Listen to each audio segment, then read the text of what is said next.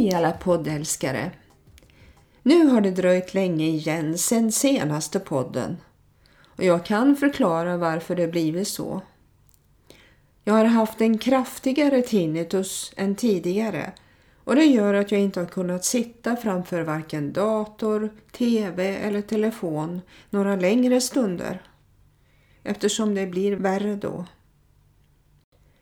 Sen har det varit svårt att få till något avsnitt då jag inte varit motiverad i brist på ämne. Men så idag när jag var i bön så fick jag till mig att jag skulle fortsätta där jag slutade förra avsnittet.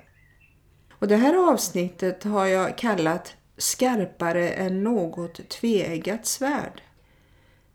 Jag vet inte om du kommer ihåg den sista bibelversen jag citerade, men det var i alla fall denna. Ditt ord är mina fötters lykta och ett ljus på min stig. Och det är psalm 119 och vers 105. Psalm 119 är nog den längsta kapitlet i Saltaren och kommer man inte ihåg något annat i den så minns man i alla fall vers 105 som är så välkänd. Jag är säker på att många har citerat den och förhoppningsvis levat efter den också. Det är ju det som är meningen med Guds ord, att det ska efterlevas. Nu är det inte så lätt att göra det alla gånger. Vi är ju bara människor och människan har svårt att leva som man lär. Det vet vi nog allihop. Vi dras ju med vårt så kallade kött som vill någonting helt annat än vår ande. Det kan vi nog alla stryka under på.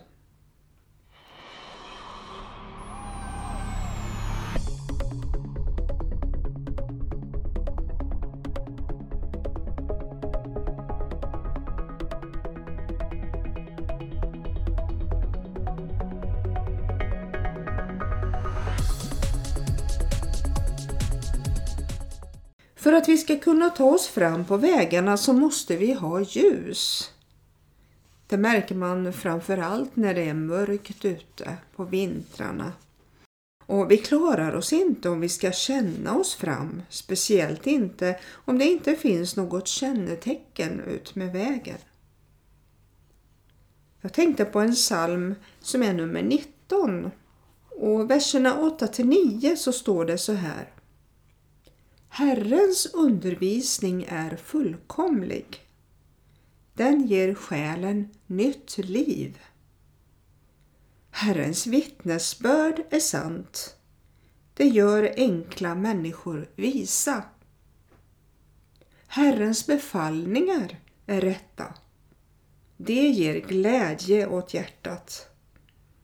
Hans bud är klart. Det upplyser ögonen. Här står det att Herrens befallningar är rätta. Det ger glädje åt hjärtat. När du och jag var små så fick vi fostras av våra föräldrar. Ibland tyckte vi att det var till glädje för oss, men för det mesta tyckte vi inte om de regler och bestämmelser vi fick. Jag vet att min pappa alltid sa till mig när jag skulle ut och leka eller vara med kompisar på kvällarna. Du ska vara hemma senast klockan 22. Vad jag inte tänkte på då var att pappa ville att jag skulle göra som han sa därför att han var rädd om mig. Han visade omsorg genom att sätta gränser. Idag vet jag att barn behöver ha gränser för vad som man ska och inte ska. För det skapar trygghet. Barn som får göra som de vill känner osäkerhet när de själva får bestämma. De måste ha regler som de kan hålla sig till. Gränser som de inte får överträda. Det visar att de betyder någonting att de är sedda och får omsorg och respekt. I Bibeln ger Gud befallningar till Israels folk för att han verkligen bryr sig om dem. Han älskar dem och vill inte att de ska komma på avvägar och tillbe andra gudar som inte är gudar. Herren Gud har skapat oss för ett syfte. Att ha en relation med honom. Men inte vilken relation som helst. En nära relation som är fylld med ömsesidig kärlek och respekt som kommer från hjärtat. Vi som hedningar, ja du kanske minns att jag berättat om tidigare vad hedningar är. Jo, hedningar är i urkyrkan och bibliskt språkbruk en beteckning på personer som inte är judar. Därav kommer ett uttryck som hedna kristen på den som är kristen utan att vara jude. Jo, som jag sa, vi som hedningar, alltså inte är judar, har också fått rätten att bli Guds barn. Aposteln Paulus i Bibeln hade kallelsen att gå till hedningarna med evangelium. I första Johannesbrevet och tredje kapitlet står det Se vilken kärlek Fadern har skänkt oss, att vi får kallas Guds barn. Och det är vi också. Världen, alltså de som inte har en kristen bekännelse, känner oss inte eftersom den inte har lärt känna honom. Mina älskade, nu är vi Guds barn och än är det inte uppenbart vad vi ska bli. Men vi vet att när han, Jesus, uppenbaras ska vi bli lika honom, för då får vi se honom sådan han är. Detta händer när Jesus kommer tillbaka för att hämta oss upp till sig. Författaren till detta brev är aposteln Johannes och han betonar särskilt den kristna kärleken. Det är också en av befallningarna som vi har fått av Jesus i Johannes evangelium, att vi ska älska varandra. Det står i Johannes evangelium kapitel 15 och vers 17. Jo, kärlek kan faktiskt befallas. I den meningen att vi har förmågan att själva besluta hur vi ska förhålla oss till andra människor. Vi förstår nog också att den som väljer att älska och att göra gott, den känner sig också mer tillfreds med tillvaron och andra människor. När jag och min man stod inför prästen så lovade vi varandra trohet och kärlek tills döden skiljer oss åt. Då kanske du invänder, men man kan väl inte lova något som man inte vet om man kan hålla livet ut? Då svarar jag, det är ett val man gör och inte bara då utan varje dag. Det gör att kärleken växer för varje dag och i varje prövning. Även om man inte vet något om morgondagen så kan jag idag, just nu, välja att älska den som jag är gift med. Det är inte bara ett löfte till varandra, vittnena och prästen, utan ett löfte till Gud. Sen kan det naturligtvis eh, dyka upp vissa omständigheter i livet som gör att man inte kan leva tillsammans, hur mycket man än försöker. Många kvinnor lever i dysfunktionella relationer med misshandel både fysiskt och psykiskt. Eller där alkoholen förstört så mycket i relationen att både föräldern och barnen blivit lidande. Då är utgångspunkten en helt annan.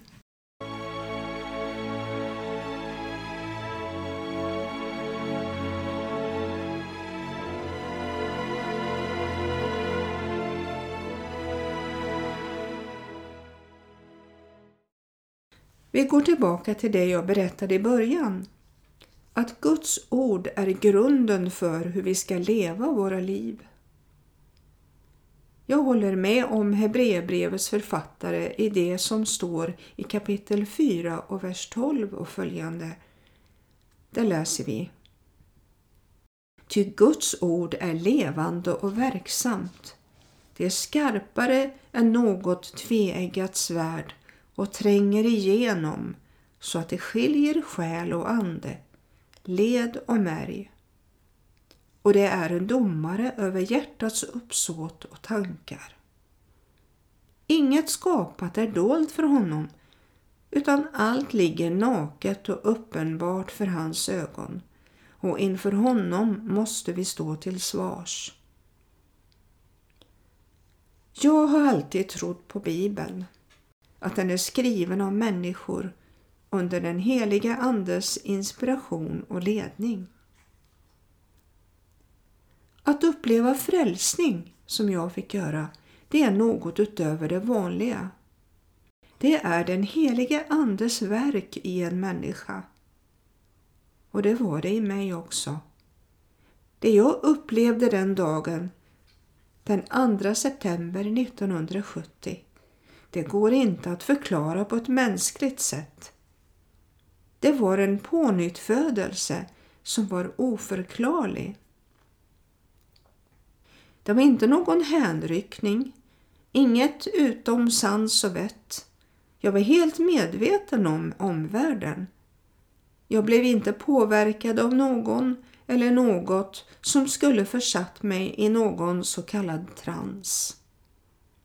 Jag vet bara att det som hände i mig var enligt det som står i Andra Korintierbrevet kapitel 5 och vers 17.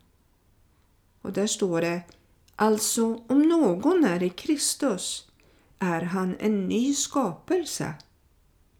Det gamla är förbi. Se, det nya har kommit. Allt kommer från Gud som har försonat oss med sig själv genom Kristus och gett oss försoningens tjänst. Ty Gud var i Kristus och försonade världen med sig själv. Det var precis så jag kände det. Jag bara visste att Gud fanns och finns. Jag blev född på nytt, i ett nu. Och jag visste också att Guds ord var sant. Det enda riktiga som vi kan hålla fast vid. Och Gud har visat mig genom åren att han är trofast. Han sviker aldrig.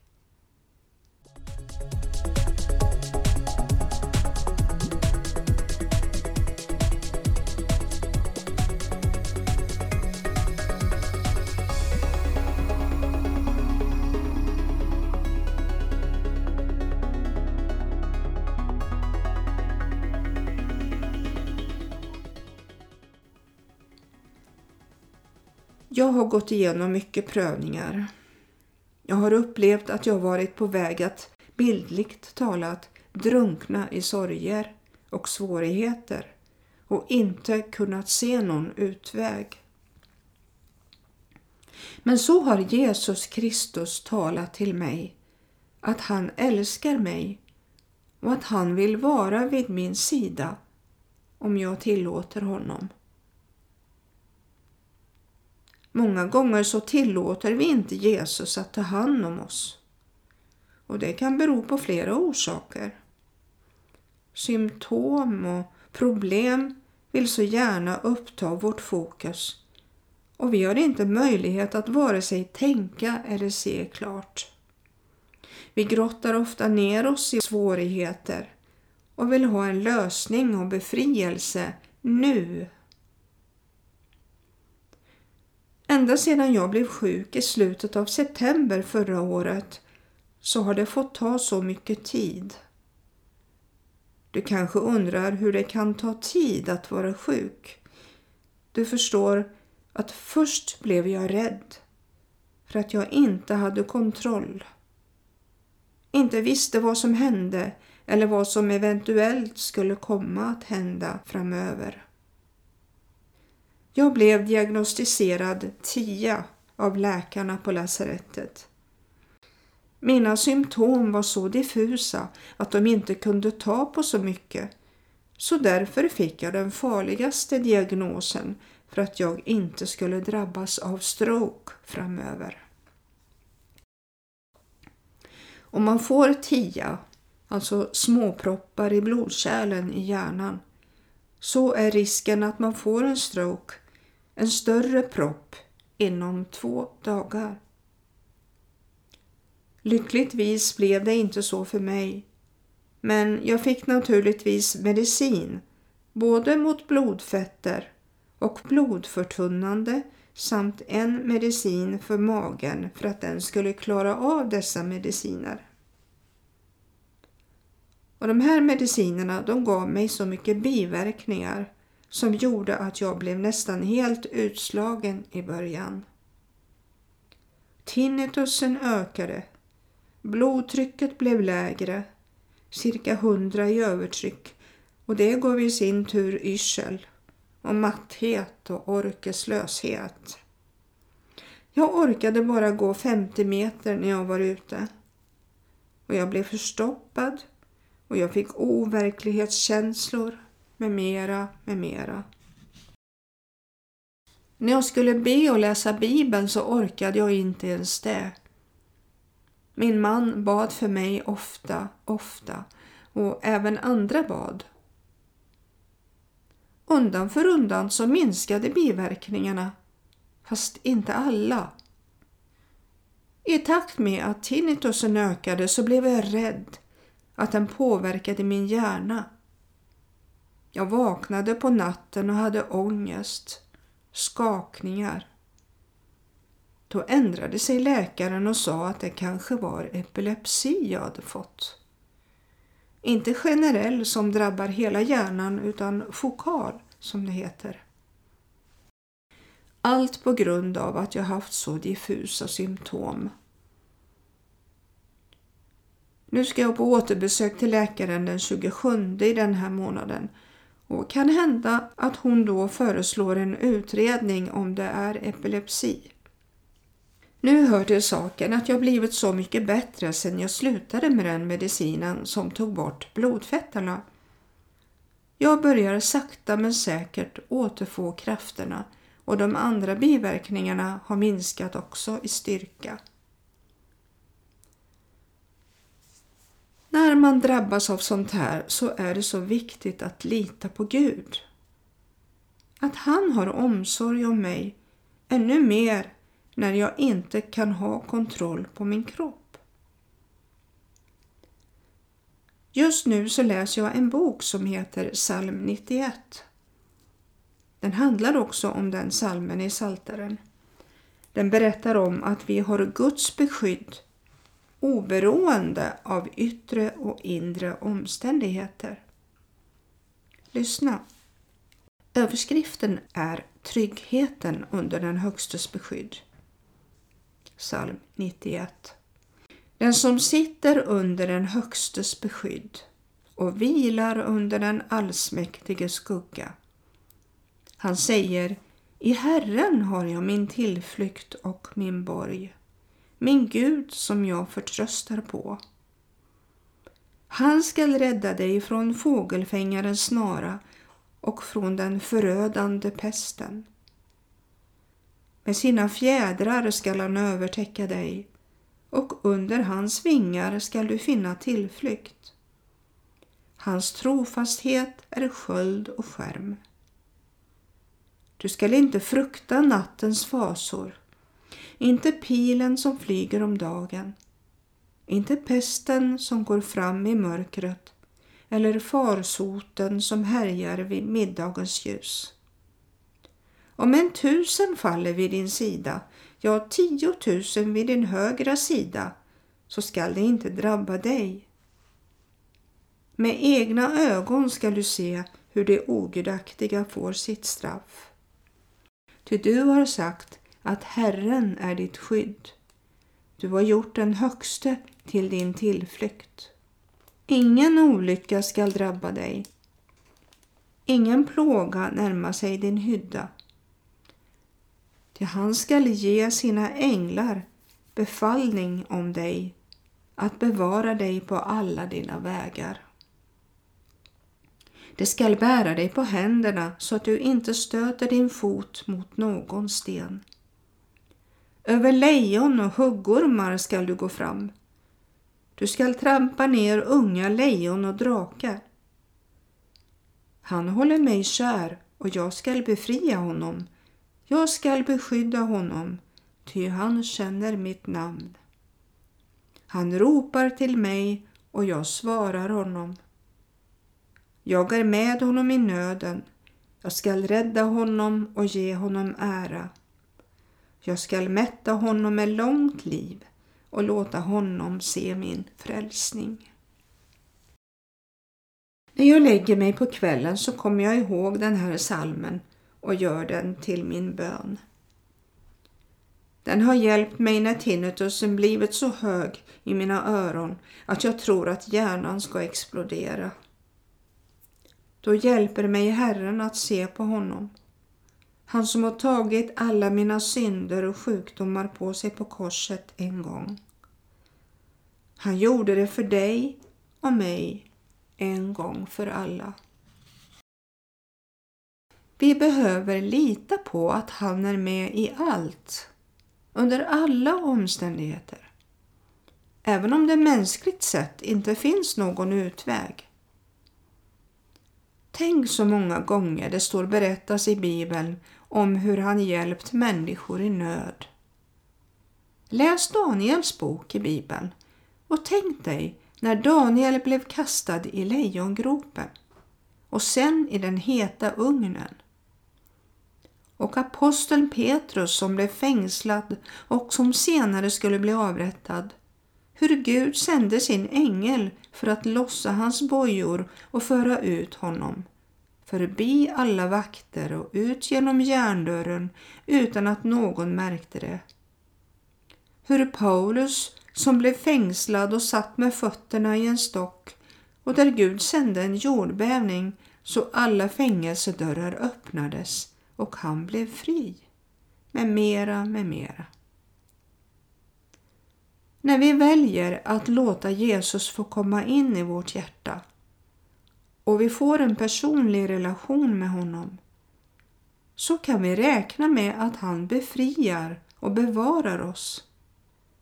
Han gör det också för människor som fortfarande lever i synd därför att han vill visa sin kärlek så de vill omvända sig och bli Guds barn. Till sist, läs ordet. Pröva ordet. Tro ordet. Lyd ordet så får du som det står i ordet. Gud och hans ord kan aldrig svika. Gud välsigne dig.